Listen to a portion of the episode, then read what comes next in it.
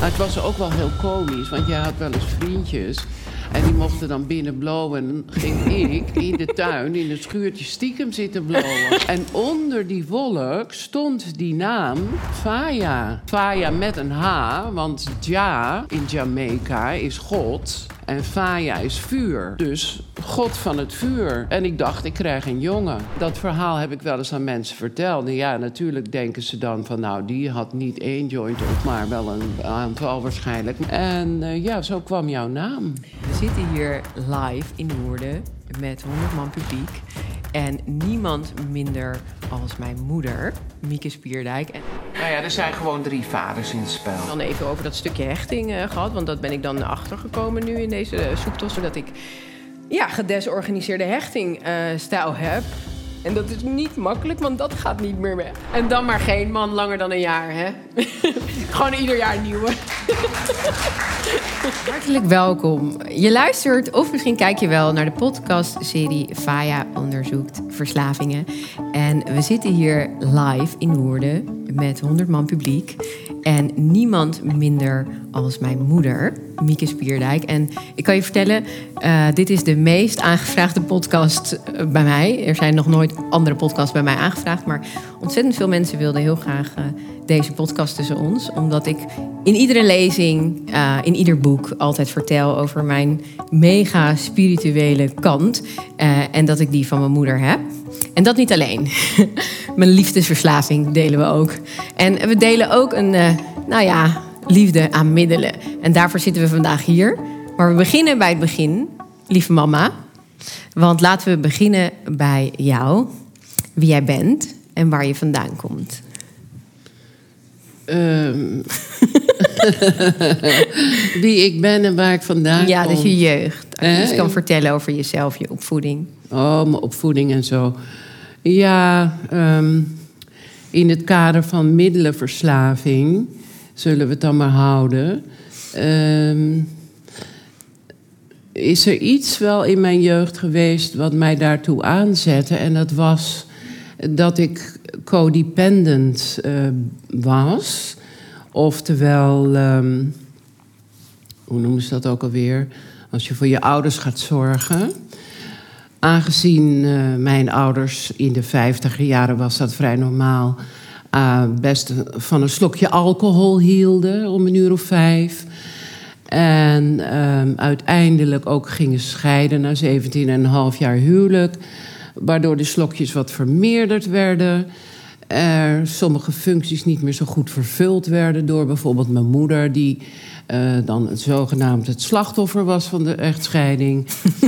en... Oké, okay, we gaan heel snel, mam. Laten we gewoon even bij het begin beginnen bij jou als kind. Ja. ja. Wat voor kind was jij?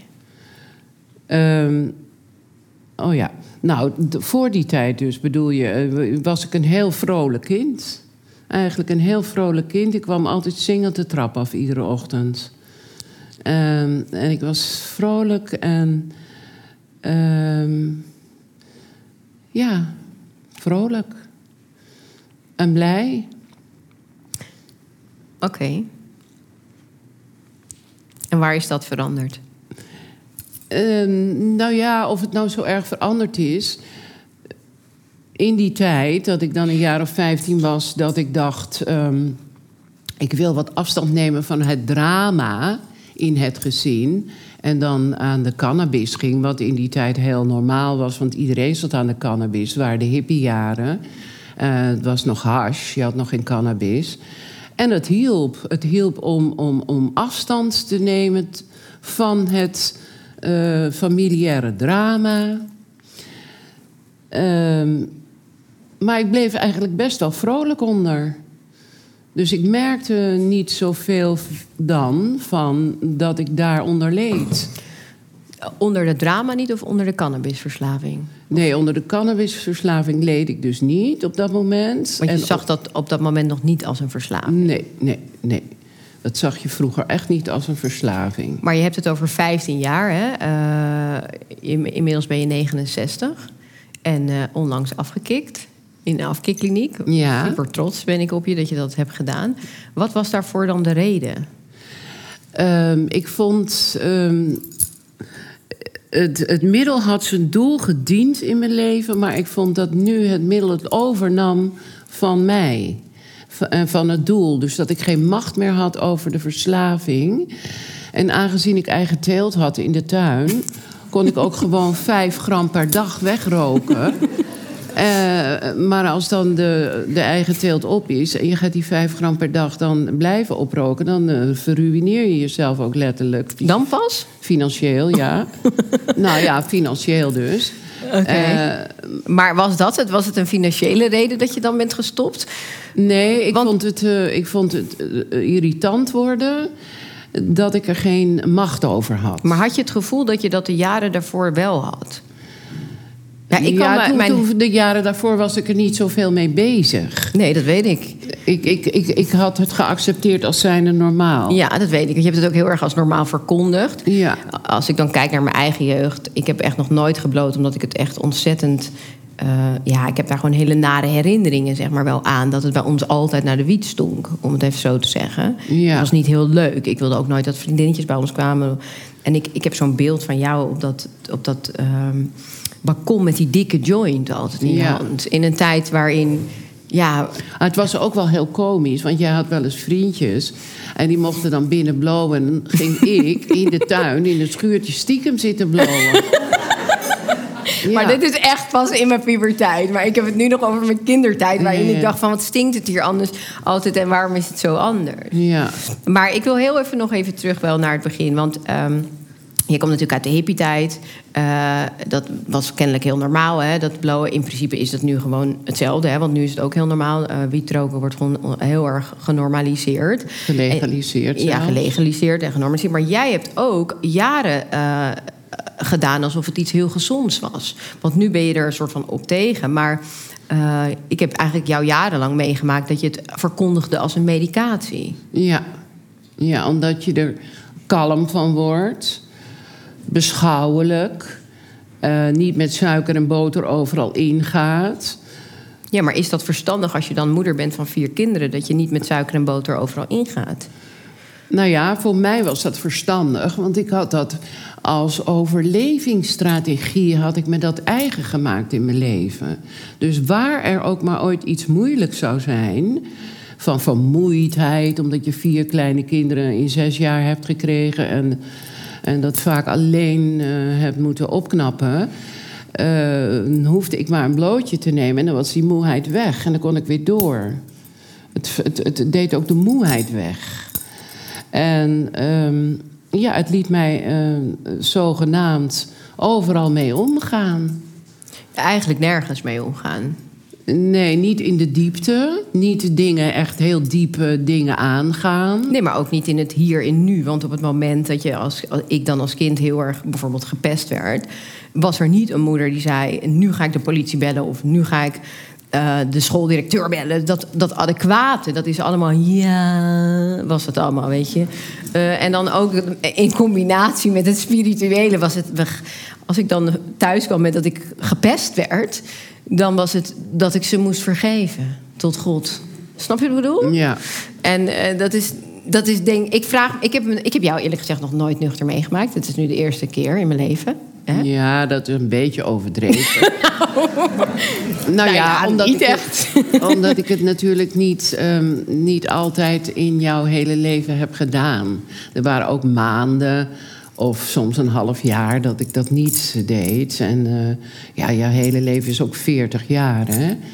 Dus, maar dan, dan, dan, dit is in ieder geval wat jij je herinnert. Ja, dat is wat mij herinnert. Want ik ben heel dankbaar voor mijn opvoeding eh, van jou. Eh, nu, hè, achteraf, als ik dan eh, de connecting the dots achteraf... denk ik, jeetje, ik heb ontzettend veel van jou mogen leren... als het gaat over vergeving en spiritualiteit en eh, nou, niet oordelen. En eh, wij waren gewoon best wel een ander, ander soort familie, hè?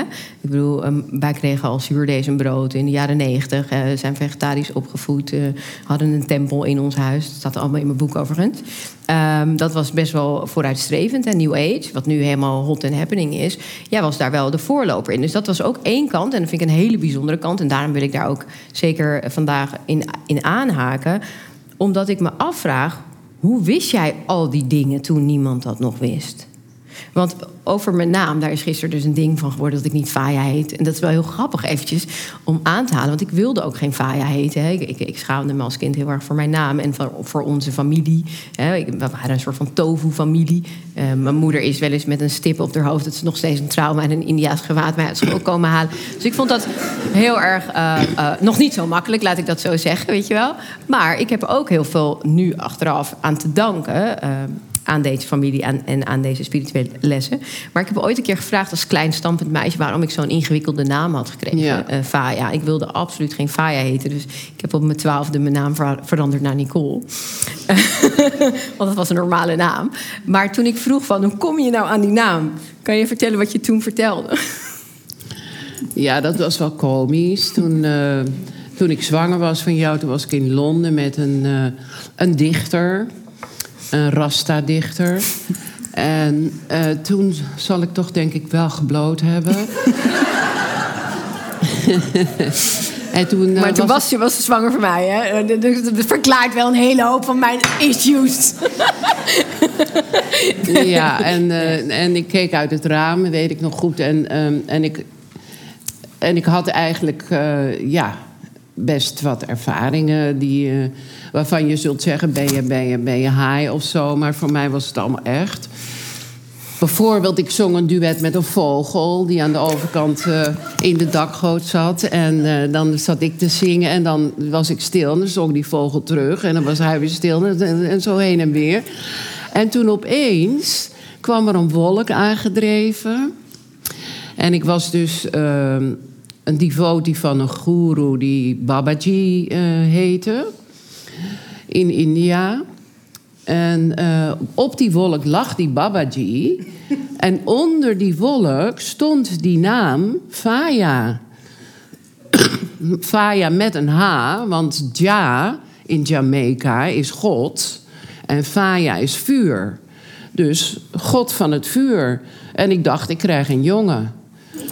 Uh, ja, dat verhaal heb ik wel eens aan mensen verteld. Ja, natuurlijk denken ze dan van... nou, die had niet één joint op, maar wel een aantal waarschijnlijk. Maar uh, volgens mij is dat dus echt gebeurd. Ik heb dat echt gezien, ik heb dat echt beleefd. En uh, ja, zo kwam jouw naam. Ja, ik ben wel een Faya van het vuur geworden. Ja. Uh, als ik een jongen was geweest, dan had ik dus Fadja geheten. Nou, zo heeft Carlo Boswehart me meerdere jaren genoemd. Vond ik niet zo leuk. Maar ik ben blij dat ik een meisje ben geworden. En ik ben heel dankbaar voor mijn naam. Ja. Het was natuurlijk best wel pittig voor jou als puber. Ik was niet de makkelijkste puber. Nee. En uh, jij hebt me daar ook niet in begrensd. Ben ik dan een van de oorzaken geweest in mijn puberteit dat jij meer bent gaan blowen? Nou, niet per se meer, denk ik. Maar je bent in ieder geval... Uh, niet een stimulans geweest om er op dat moment uh, mee op te houden. En uh, trouwens, het kwam toch niet in me op. Maar nee, meer, meer. Het, het was gewoon een voortgang van soms dezelfde dingen. Dus zeg maar, ik heb dan. Um, want ik heb ontdekt dat onder mijn middelenverslaving onder andere dus die liefdesverslaving zit of die codependency. Nou, dat heb ik dus voortgezet van, van mijn moeder. Eerst heb ik het op mijn moeder geprojecteerd, geparentificeerd. Dat was het woord. Daarna op mijn mannen die langskwamen. En um, dat betekent soms ook dat je bij iemand blijft als die eigenlijk over jouw grenzen gaat. En dat deed die man. Um, een van die mannen. En daar ben ik toen weer, weer van gescheiden. Weer met vier kinderen, weer een nieuw huis. Maar dan kwam ik in dat nieuwe huis en dan leek het een beetje erop alsof jij dat stokje van die man een beetje overnam. En ook een beetje dat gedrag ging vertonen, zeg maar.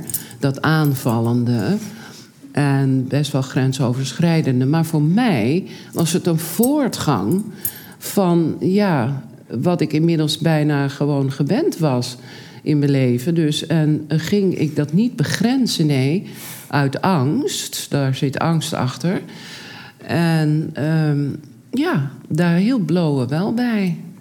Maar kan je dan zeggen dat die gebeurtenissen in het leven die er zijn gebeurd, ook later nog, die, die er in, in onze leven zijn gebeurd, ervoor hebben gezorgd dat je dan steeds meer bent gaan blowen?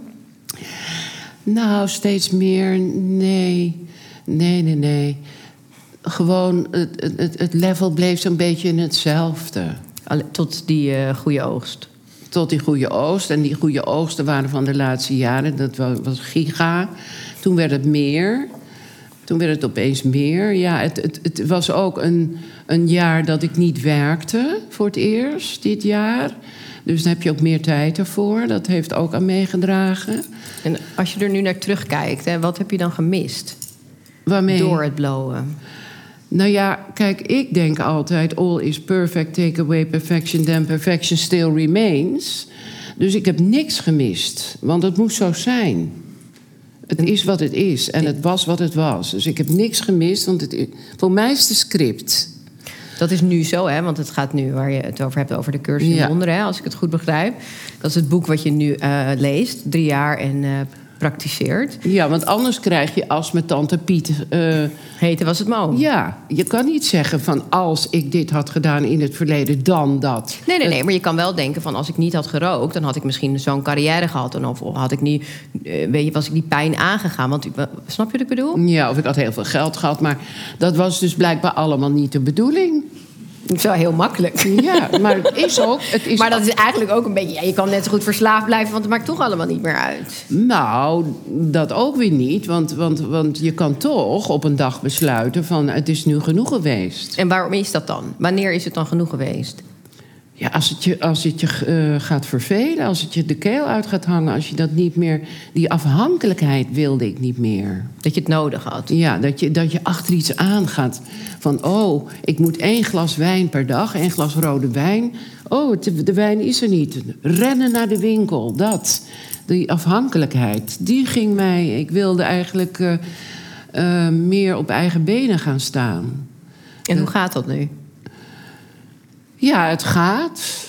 Het, het lukt dus, behalve dat ik nog eh, sigaretten rook. En die wil ik er dan ook uit hebben, maar dat vind ik het moeilijkste. Maar wat zijn de voordelen van het, van het niet blowen nu? Ja, dat, dat, vroeg jouw vriendin, die, die psycholoog, ook. En dat kon ik niet eens beantwoorden twee weken geleden, die vraag. Eh, toen daarna ben ik erover gaan nadenken. En dan zie ik wel dat ik iets meer in verbinding ga met mensen. En ook bijvoorbeeld met mijn eigen kinderen op een verjaardag. Of eh, mensen die op bezoek komen. Of ja, nou ja, dat zijn dan mijn kinderen op een verjaardag of met kerst. En, en dat ik me dus niet terugtrek in dat blowkamertje, zeg maar. Eh, en dan heel veel mis. En dan later denk ik, oh, ik heb zoveel gemist. Eh, nee, ik, dat is het wel. Iets meer verbinding. Nou, wel fijn dat je er nu dan wel antwoord op kan geven. Want het was ook een beetje chockerend dat je dat... vond ik, dat je dat eigenlijk zei vorige week... toen we een klein Ja. voorgesprekje hadden van... ik zie de voordelen er eigenlijk niet van. En toen heb ik er nog over gepraat met eh Arold eh, Langeveld. Dat is ook een eh, verslavingsdeskundige. En die vertelde mij toen dat het best normaal is... dat je dat in de eerste instantie nog niet voelt. Omdat je met dat blowen bepaalde stofjes hebt aangemaakt... die je lichaam eigen stofjes ook zijn. Maar doordat je dat met blowen aanmaakt... maak je lichaam ze eigenlijk niet meer aan. Ik weet het niet, ik ben geen eh, wetenschapper of eh, zo. Maar de- eh, ik leg het even uit zoals hij het ongeveer tegen mij zei. En dat het best wel lang duurt voordat je eigen lichaam dat weer zelf aanzet. Dus Ja. die geluksstofjes, et cetera. En dat dus des te moeilijker is om natuurlijk van het blowen eh, af te blijven. Ja. Maar oké, je, je kwam tot het inzicht dat je wilde stoppen. Dat vond ik heel knap, want opeens was dat telefoontje er... ik ga afkicken. Eh, kan je me brengen? Nou ja, prima. Eh, we rijden daarheen. En opeens besefte ik me gewoon... jeetje, man, 55 jaar eh, gebloot. Ik vond het heel knap. En dan ga je naar zo'n afkikkliniek. En wat gebeurt er dan? Ja, dat was wel interessant natuurlijk. ten eerste ben ik blij dat ik bij Trubendorfer ben gaan afkicken en, en niet bij de Jellinek. Want ehm, ja, als je bij de Jellinek in Amsterdam gaat, dan kan je ook intern, maar dan ga je dus in Amsterdam in dat ziekenhuisgebouw van de Jellinek. Terwijl nu, bij via Trubendorfer, kom ik in een klooster. Een oud Helemaal klooster perfect. terecht. in Margraten in, eh, bij Maastricht. Ja, en, en, en, en, en dat was gewoon een fantastische ervaring. Dat eh, moet ik zeggen, daar heb ik echt al heel veel leuke dingen over opgeschreven. En ja, daar werd je gewoon heel liefdevol eigenlijk ontvangen. Ook heel professioneel. En het was, eh, er was zeer adequate hulp werd er geboden. Zeg maar een programma. Ik was er een week. Ehm, met hele goede oefeningen, met hele inzichtelijke dingen. En ja, Is, zit dat- je nu in het 12-stappenplan? nou, dat, is, dat komt daarna. Als je weer terug bent thuis, verwachten ze, willen ze graag dat je ook naar een van die groepen gaat, zoals de NA of de AA of de SLA, is liefdesverslaving. Codependency groepen heb je. Je hebt alle verslavingen vertegenwoordigd in Nederland in groepen. En dan, dan ga je dan 12 stappenplan pas doen. Oké, dus daar zit je nu nog niet in. Ja, ik ben er wel mee begonnen. Ik ben zeg maar met 1, 1 2, 3 bezig. De eerste drie stappen. Maar dat vraagt eh, dat je honderden vragen beantwoordt. En, eh, en ik heb ook nog niet helemaal mijn groep gevonden. Want ik ben naar een paar van die middelenverslavingsgroepen gegaan. Nou, daar voel ik me niet zo thuis. Omdat die middelen, ja, die zijn voor mij niet meer zo belangrijk. Omdat ik meer in contact gekomen ben met de verslavingen die eronder zitten. En, de, en waar gaan die over? Eh, op codependency en, en Kun je misschien daar iets over vertellen? Want ik denk dat sommige mensen niet weten wat dat betekent. Ja, ik heb eventjes snel even iets over opgeschreven over liefdesverslaving. Dat het eigenlijk erom gaat. Wat is liefdesverslaving? Is het buiten jezelf in een ander zoeken van waardering en aandacht en liefde. En daarbij eventueel zelfs in ongezonde relaties blijven uit angst voor eenzaamheid en verlating. Terwijl het er natuurlijk om gaat dat je dat in jezelf ontwikkelt en ook eh, daarachter komt dat je dat geheel en al in jezelf hebt, dat je eigenlijk een heel persoon bent. Dus dat je het niet buiten jezelf eens hoeft te zoeken. Ehm, het kan dus ontstaan zijn, zoals in mijn geval, eh, door parentificatie. Dus stel je gaat in, in, in, in penibele situaties voor je ouders zorgen. Althans, je probeert dat. Dat geeft een soort adrenalinekick. Ehm, en dat herken ik wel, want ehm, dat was zo in mijn jeugd. Van dat tanden op elkaar, kiezen op elkaar en doorgaan, niet zeuren. Wat er ook gebeurt, al, al brandt bij wijze van spreken het huis af. Nou, eh, dus ja, die, die, die adrenalinekick. Heeft zich dat dan daarna vertaald vanuit je zorg voor je moeder naar al die partners die er zijn geweest? Ja, dan kies je allerlei partners die ook zo'n adrenalinekick opwekken. Dat kan gebeuren dat je daar. En daarna ga je het ook nog vaak op je kinderen projecteren. Ehm, Ik zei altijd in mijn jeugd, ja, ik wil nooit eh, mannen van verschillende vaders, want dat was natuurlijk mijn voorbeeld. En vond ik heel, daar schaamde ik me natuurlijk ook als kind allemaal voor dat we allemaal een andere achternaam hadden en weet ik het allemaal er anders uitzagen. En ik heb dus, jij zei altijd, het woordje niet kent het universum niet saai. Dus waar je op focust, dat krijg je. En wat heb ik, ja, mannen, twee kinderen van twee verschillende mannen. En eigenlijk heb ik gewoon het hele, hetgeen wat ik allemaal zo erg vond van jou, heb ik helemaal nageleefd. Tot op de dag van vandaag, denk ik, volgens mij heb ik ook een liefdesverslaving. Ja, En hoe kom je er vanaf? Ehm, ja door, ehm, door het in jezelf te verwezenlijken. En te, en te beseffen dat je dus eigenlijk buiten jezelf niks nodig hebt. Maar kan ik dan stellen dat jij, eh, want je bent al heel lang alleen, hè? je bent er op een gegeven moment mee opgehouden met de, met de mannen. Ja. Eh, kan ik dan stellen dat die joint dan voor jou weer dat gevoel was? Je zou kunnen ook denken voor, eh, dat een, een bepaalde drijfveer eh, geweest kan zijn eh, het alleen zijn van blowen, ja. Ehm, maar ik heb de liefdesverslaving gewoon doorgeprojecteerd op mijn kinderen hoor. Kan dan wel met mannen zijn opgehouden. Eh, op een gegeven moment is het ook even genoeg geweest. In 2008 ongeveer. En, eh, maar die, die, die liefdesverslaving en wat ook codependency is, dat je daar je.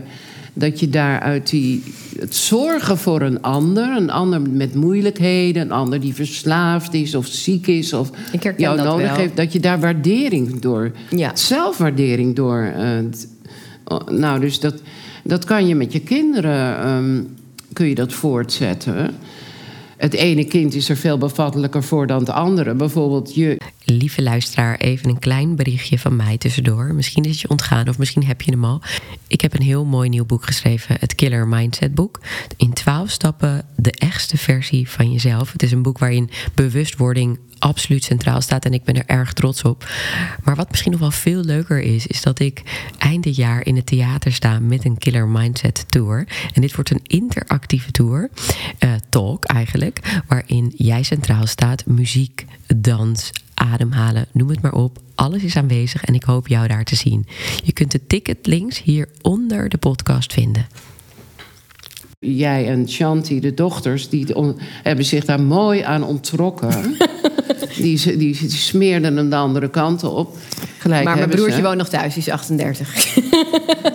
ja, nou dat heeft ook wel te maken met... Met uh, dat jij hem ook nodig hebt. Dat jullie in elkaar verweven zijn. Ja, en, maar het heeft, dat hij nog thuis woont heeft ook te maken met dat het heel moeilijk is... om een woning te vinden voor hem uh, in Amsterdam. Ja, dus als we het even eh, kort samenvatten... dan is het dus zo, uh, uit je jeugd is ontstaan dat je voor je ouders bent gaan zorgen. Els noemt dat opstijgen.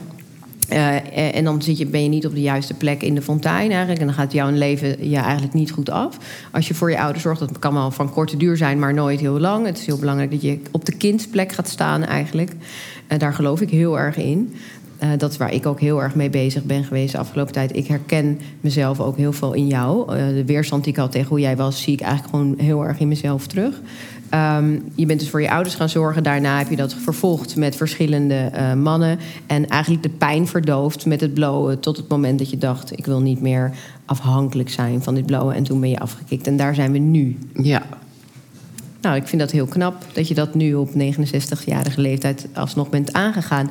En voel je dan nu dat die pijn van alle gebeurtenissen die er afgelopen, nou ja, weet ik veel, 20 jaar in ons leven zijn gebeurd, dat die dan nu uh, naar boven komen? Nee. Er komt niks naar boven? Nauwelijks. Oké. Want is, was dat niet de reden dat je daar bang voor was... waarom je dan zo lang bent doorgegaan met blowen? Nee. Want uiteindelijk toen bijvoorbeeld Elvin overleed... Eh, toen, toen kon je er ook niet zijn, zeg maar, in het hier en nu. Voor mij is het, of kwam het ook altijd wel een beetje over als een vlucht naar spiritualiteit... om niet in het hier en nu echt op de aarde aanwezig te zijn. Hoe zie jij dat dan? Ja, het was ik, ik, voor mij ben ik wel aanwezig. En maakt die spiritualiteit zo'n groot deel van mij uit... dat ik daar echt helemaal 100% in geloof. Um, uh, ja, kijk, ik, ik, voor mij bestaat de dood niet. Dood bestaat gewoon niet. Is niet, is niet echt wij blijven allemaal eeuwig voortbestaan, maar wij zijn geest. We zijn geen lichaam. En daar, daar ben ik eigenlijk al zo lang van doordrongen. Dat. Eh, ja, en dan heb ik ook nog altijd het gevoel gehad, ook voordat ik de cursus in wonderen deed, dat dingen zijn voorbestemd. Dus wat ik zei tegen Shanti toen Elvin was gegaan. Um, uh, dat meende ik. Ja, maar dat is wel natuurlijk uh, next level voor iemand die een kind verliest. Precies. En dus het is niet zo handig. Het is een beetje, zou het een beetje niveauverwarring kunnen noemen. Dat noemen ze in de cursus ook zo. Omdat Shanti toevallig wel een andere uh, aanpak misschien... voor haar was het beter geweest, denk ik. Handiger ook. Als ik een andere Terwijl ik juist het idee had dat mijn visie haar juist ook kon helpen. Dus het was ook helemaal niet, natuurlijk niet verkeerd bedoeld of zo. En het was ook helemaal wie ik ben. Maar ik begrijp ook heel goed de, de niveauverwarring. Want dat is hetzelfde als wanneer uh, iemand bij jou komt van ja, die en die is overleden. En jij zegt, ach, dood bestaat niet. Ja, maar dat is wel wat jij doet. Ja. Snap je? Dat is dus niveauverwarring. Dat is, dat is niet vriendelijk en eigenlijk niet liefdevol. En um, ja, dat zou ik nu anders doen. Okay. Dat zou ik nu anders doen. Ja. Dat is fijn. En komt dat dan omdat je nu bent gestopt met blowen? Of komt dat omdat je er nu anders naar kijkt? Ja, dat komt toch wel omdat ik er anders naar kijk. Dat komt door de cursus in wonderen. Okay. En misschien komt het ook wel door de cursus in wonderen dat ik gestopt ben met blowen. Nou, ik vind het heel mooi dat je daar jouw uh, ehm, kracht uithaalt. Ik heb, Ja. eh, ik heb heel veel van je geleerd. Ik sla de cursus in wonderen even over als je het niet erg vindt. Nee hoor. Want eh, eerst was het dit en toen was het dat. En het is altijd de waarheid. Dat moet je ook vanaf een afstandje kunnen zien. Dus we gaan heel ver mee. En ik ben met Baba G en ik ben met heel veel dingen meegegaan. Maar het verandert iedere keer, snap je? Dus voor Ja. ons is het ook zo, ja, wat is het nou? Nu is het dit, dan is het dat. Ja, Ik maar vind- een mens groeit, hè? ja, oké, maar voor mij ben ik nog ergens tien stappen verder terug blijven hangen. En dat is oké. Ik zie spiritualiteit op mijn eigen manier. Maar ik ben wel heel erg dankbaar voor alles wat zich in mijn leven heb aangediend. En ook de minder mooie dingen. Omdat ik nu ook al kan zien dat ook die minder mooie dingen... en ook in die pijn heel veel heling zit en heel veel eh, groei zit. En daarin geloof ik wel dat als je met het leven gewoon mee kan bewegen... eh, met, zonder weerstand, dat het ware geluk plaatsvindt. Het is wat het is, wat jij ook zegt. Uh, maar ik geloof ook wel dat je invloed hebt. En, en niet dat je alles helemaal over je heen hoeft te laten komen. Dank je wel in ieder geval voor alle mooie lessen die ik van jou heb geleerd. En ik ben super trots op je. En ik zou je willen vragen of je wil afsluiten um, met de brief uh, die je maakte aan het einde van je afkiktraject. Oké. Okay. Je mag hem in die camera doen, mam.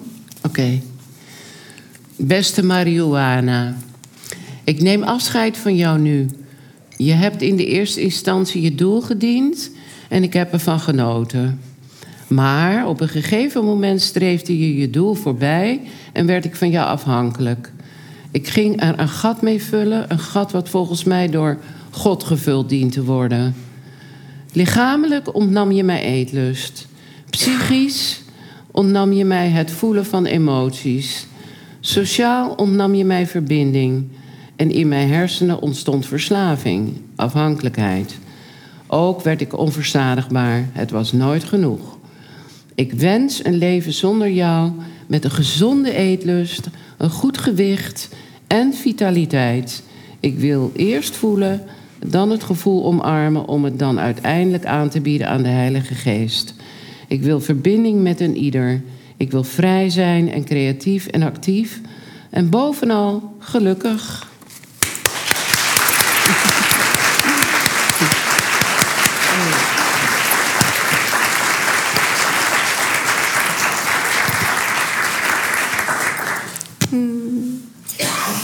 Oké, zijn er, nou ja, dat is misschien een beetje gek of niet. Hebben jullie vragen voor mijn moeder?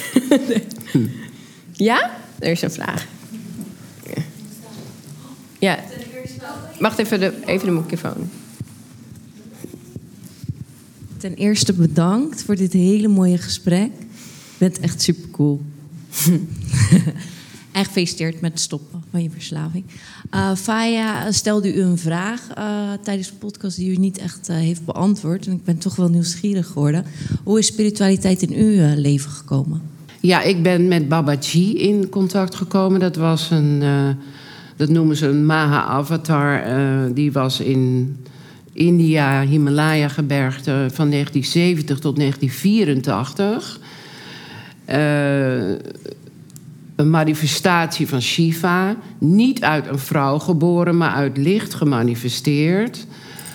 Um, van hem heb ik gedroomd toen um, Fai uh, al geboren was. Maar ik was daarvoor al, ook al met hem in contact. Uh, dat is natuurlijk een, een, een, enorme spirituele booster geweest in mijn leven. Dus Babaji, eventjes uh, samengevat, dat is dus een soort van manifestatie van God. Die is gevonden in een, uh, grot. in een grot, mediterend. En die hebben ze dan zeg maar aanbeden. Ik ben ook bij hem geweest. Wij zijn, als kind ben ik veel in ashrams geweest, ook in India. Ik heb ook op zijn schoot gezeten. Ja, ik, wij hebben daar een ander idee over, over Babaji. Dat laat ik voor een andere keer. Uh, maar um, daar zijn wij heel erg mee opgegroeid. En dat is een... Nou, ik hoorde... Dus, ik heb dus in mijn boek geschreven hierover... Uh, en ik kwam vandaag bij mama, of mama kwam bij mij en ze zei: Vaai, er staan dingen in jouw boek die niet kloppen. Dus ik zeg: Wat staat er dan in wat niet klopt? En toen zei ze: Ja, je hebt gezegd dat ik een Hindoeïst ben, maar dat ben ik niet. Oké, okay, dat is dus geen Hindoeïsme, maar het is wel een Indiase religie. En toen vertelde jij iets over wat het dan was. Wat, ja, Babaji noemde het dat hij een, een nieuwe religie zou stichten. En dat heet Sanatan Dharma. En onder dat dak vallen alle andere religies. Maar Sanatan Dharma, dat betekent eigenlijk uh, to be humane. Menselijk zijn.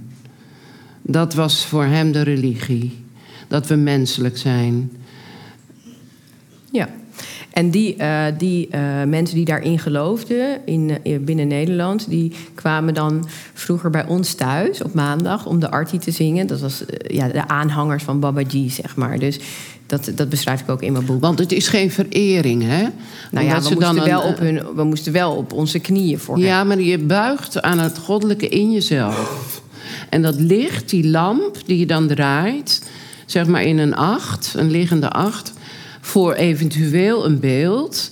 Dat beeld, dat is trouwens ook in het Hindoeïsme, is, doet eigenlijk niet ter zake, is alleen een symbool voor het licht van binnen. God in jezelf en het licht van binnen. God en het licht zijn in jou, in ieder mens. Maar jij hebt, want inderdaad, je hebt het goed eh, gezegd, want je hebt daar geen antwoord op gegeven. Want in principe al die dingen hè, die nu helemaal hot and happening zijn, van rescue remedy druppels tot straling, tot weet ik veel wat iedereen nu mee bezig is. Dat wist jij allemaal al in de jaren negentig. Wij gingen, ja. we hadden het er vanochtend nog even over. Ik zei, we moeten niet te veel praten, maar die dingen hebben we nu dus allemaal niet nog een keer besproken. Uh, wij werden al naar homeopathie gebracht, we hadden een homeopathische huisarts. Maar ook bioresonantie. We werden op candida-diëten gezet. Hoe wist je al die dingen? Ja, hoe wist ik nou al die dingen? Uh, nou, ik ben wel vanaf zeer jonge leeftijd met al die dingen bezig geweest. Natuurlijk heb ik ook, ben ik getrouwd geweest met de vader van Shanti... die een New Age winkel had. Waar al die dingen, uh, al die boeken, de Himalaya in Amsterdam... waar al die boeken over al deze onderwerpen werden verkocht... Ja, je was hem wel een voorloper. Ik was een voorloper, ja. En, en helemaal met dat vegetarisch opgevoed. En dat zie je dan ook wel weer terug in mijn blauwdruk met voeding... en hoe ik daarmee bezig ben. En dat ik niet uit de kraan durf te drinken. Dat komt, wij hadden allemaal gefilterd water al heel vroeger. Um, ukkie chocoladepasta zonder suiker. En, en dan van die pindakaas die je dan helemaal zo moet roeren, weet je wel. Omdat er dan boven zo'n lage... en als kind wil je gewoon normaal zijn. Je wil gewoon een normaal gezin. Dat is ook de reden dat ik Nicole natuurlijk wilde eten heel graag. Want ik dacht gewoon, je wil gewoon een wit broodje met aangeslag en boter. Weet Jij je wel? wou het liefst dat ik een trainingsbroek aandeed. een, een joggingpak. ja, en al die gekleurde kleding wegliet. Ja, nou ja, dus dat. Ja. Heb je een beetje een antwoord kunnen krijgen op je vraag? Ja, zeker. Dank je. Maar dus dat, die kwam in een droom, Babaji. En later Ja. kwam je dus in een droom met mijn naam op een wolk. Ja. Is er nog een vraag? Ja. Hoi, ik ben Rick. Eh, ik ben dankbaar eh, dat ik hier mag komen vandaag. Eh, mijn vraag is eigenlijk, hoe groot wordt eh, de gen eigenlijk gemaakt? Want mijn moeder houdt ook van een slok eh, drank. En de vader en moeder van haar, eh, die hadden een café. En daar de vader en moeder eh, daarvan hadden een café. Dus hoe zit het eigenlijk bij jullie in de familie? Dankjewel. Nou, ik heb eh, toevallig mijn genogram getekend voor eh, mijn eigen opleiding tot coach. Moesten we dat doen? Geogram? Genogram? Genogram. genogram getekend. Dus dat is eigenlijk je hele familielijn. En dan wat je weet, je, je opa's en oma. Nou, opvallend was dat er geen kanker voorkomt. Alleen bij mijn vader dan. Die is overleden aan maagkanker. Maar iedereen was verslaafd. Iedereen. Allemaal alcohol verslaafd. Mijn vader was dan ook nog aan de cocaïne verslaafd. Dus ja, ik ben geen wetenschapper, maar toen dacht ik wel, het eh, zit in de familie. Dus ik denk wel dat het heel veel invloed heeft. Ja. Maar weet je, oh, dat wou ik nog wel tegen jou zeggen. Want ehm, Els van Stijn is hier natuurlijk de vorige keer geweest. En dat gaat heel erg over je eh, generaties opschonen, weet je wel. Dat had ik allemaal op mijn briefje. maar generaties opschonen. Eh, denk jij dat doordat jij nu bent gestopt, dat je een patroon hebt doorbroken voor de generaties onder jou? Nou, die naar mij Ja, komen. na jou. Zoals ik ja. en mijn kinderen en ja. mijn kleinkind. Ja, dat denk ik. En, en eigenlijk, eh, ik denk dat alles wat je in het leven opschoont, dat dat niet alleen voor de generaties voor en na jou werkt, maar eigenlijk naar iedereen, naar alle aardbewoners. Je doet het nooit voor jezelf alleen. Je doet het voor iedereen eigenlijk. Maar dat hoef je niet in te calculeren, want het, het is al genoeg als je het voor jezelf doet. Ja, omdat we één zijn, hè? Daarom denk ik dat. Omdat we alle één zijn. Er is één geest. Dus ehm, ja. Ja? Oh, wacht even, microfoon. Wacht even, Erik. Ja?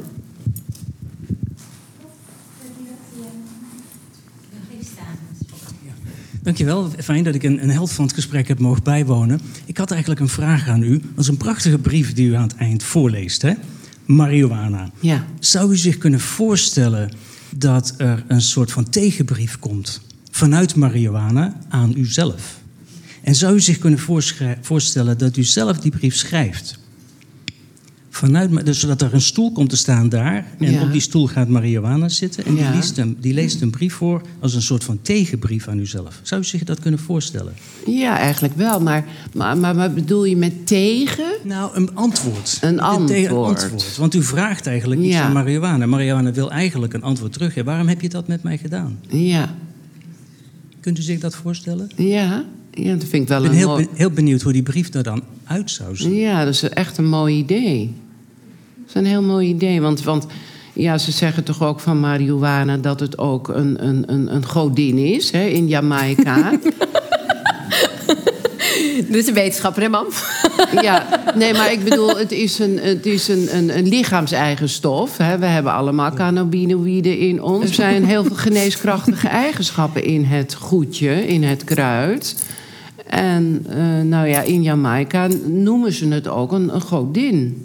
Ja. Nou, maar ik vind het zo mooi. Wij werken heel veel in de therapeutische context met brieven. Dus ik Ja. vind het een heel krachtig voorbeeld wat u zelf maakt. Het is heel mooi voorgelezen ook. Dus die brief heeft een plaats. Maar die brief vraagt om een antwoord. Ja. En dat Mooi. antwoord kun je ritualiseren door het antwoord vanuit de marihuana zelf die in u zit Ja. te kunnen laten komen. En dan Ja. te kijken van wat levert dat op. Ja, ik vind het een heel goed idee. Dank je wel. Ja.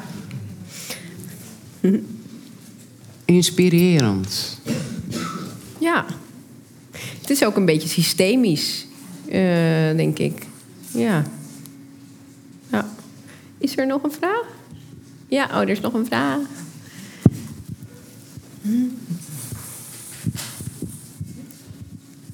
Hallo, ik ben eh, Journey. Ehm, wat ik heel mooi vind, is eh, ook heel moedig dat jij eh, je moeder, dit tegen je moeder zegt. Maar wat ik ook heel bijzonder vind, is dat u ontvankelijk bent.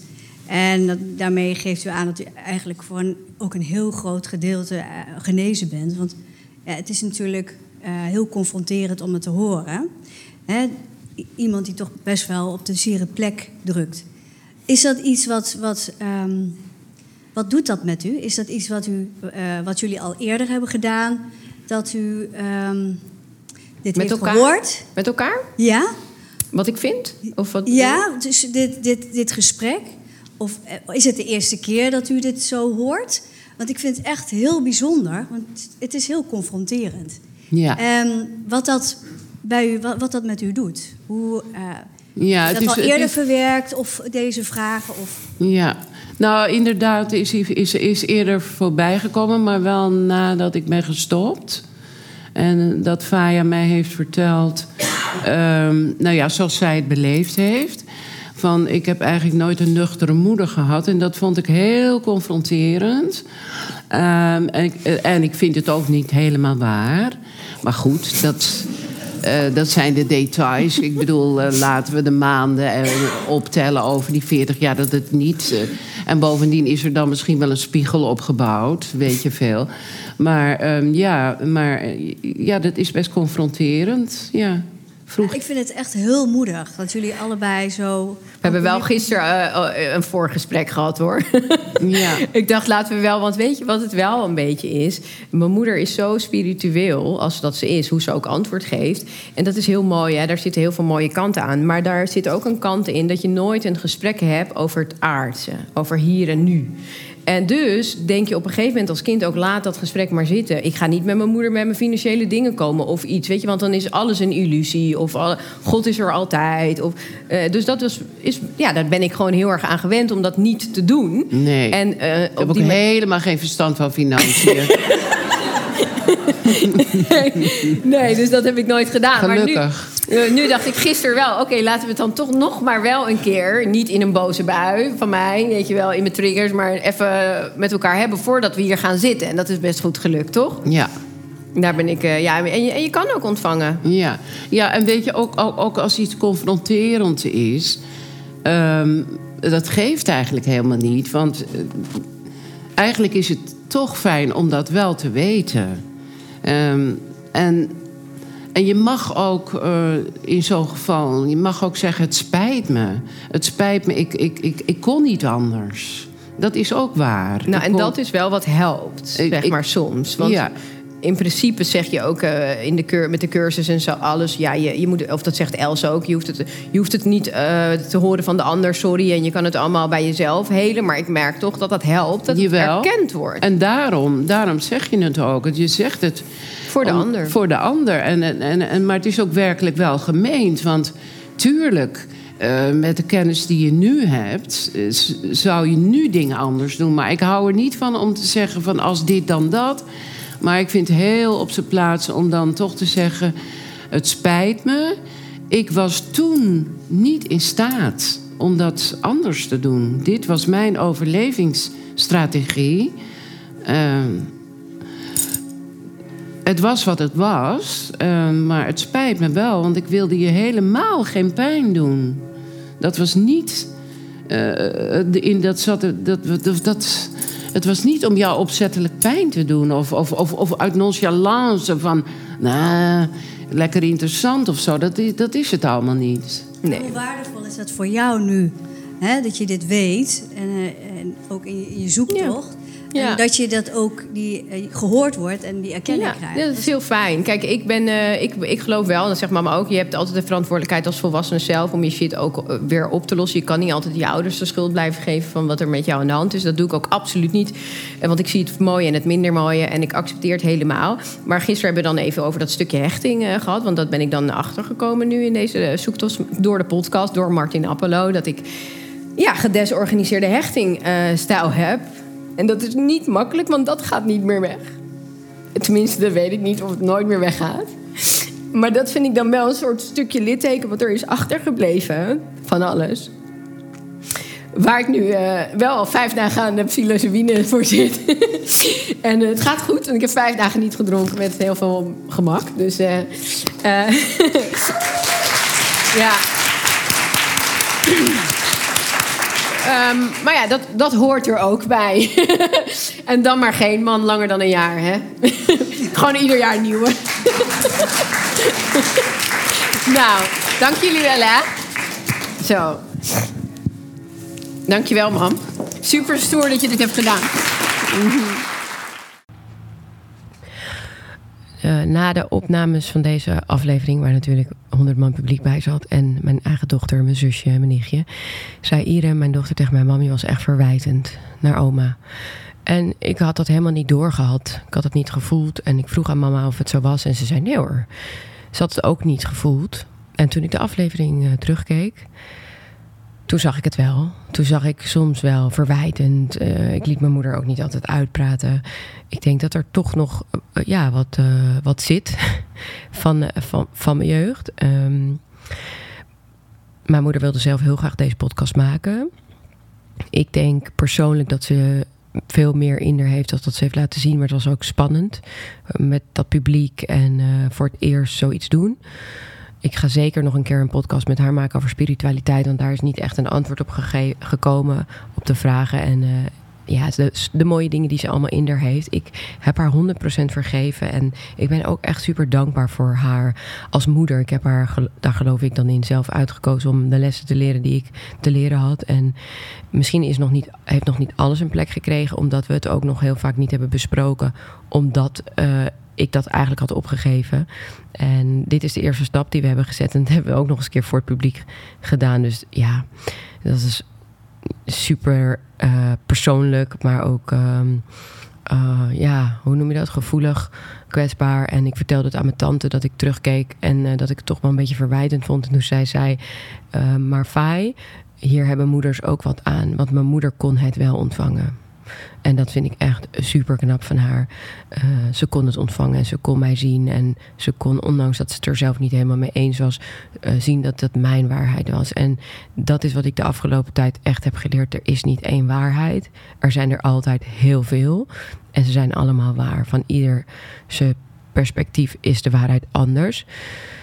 Ik ben heel trots nogmaals dat dit mijn moeder is. En ik hoop dat jullie hebben genoten van de aflevering. En ehm, nou ja, dat jullie gaan genieten van de volgende. Dankjewel voor het kijken. Ik wil nog even benoemen dat eh, deze podcastserie een onderdeel is van I am-present.nl, het nieuwe platform wat ik ben gestart voor meer bewustzijn en heling. Daar heb ik ook drie hele mooie programma's in, waaronder het Inner Child Healing programma, wat heel mooi aansluit bij alles wat, waar we het over hebben. Heel mooi programma waar ik in mijn leven zelf heel veel aan heb gehad en waarom ik het nog beter wilde maken voor jullie. Uh, nou ja, tot de volgende keer en dankjewel voor het luisteren. Lieve luisteraar, even een klein berichtje van mij tussendoor. Misschien is het je ontgaan of misschien heb je hem al. Ik heb een heel mooi nieuw boek geschreven, het Killer Mindset boek. In 12 stappen de echtste versie van jezelf. Het is een boek waarin bewustwording absoluut centraal staat en ik ben er erg trots op. Maar wat misschien nog wel veel leuker is, is dat ik eind jaar in het theater sta met een Killer Mindset Tour. En dit wordt een interactieve tour, uh, talk eigenlijk, waarin jij centraal staat, muziek, dans, ademhalen, noem het maar op. Alles is aanwezig en ik hoop jou daar te zien. Je kunt de ticket links hier onder de podcast vinden.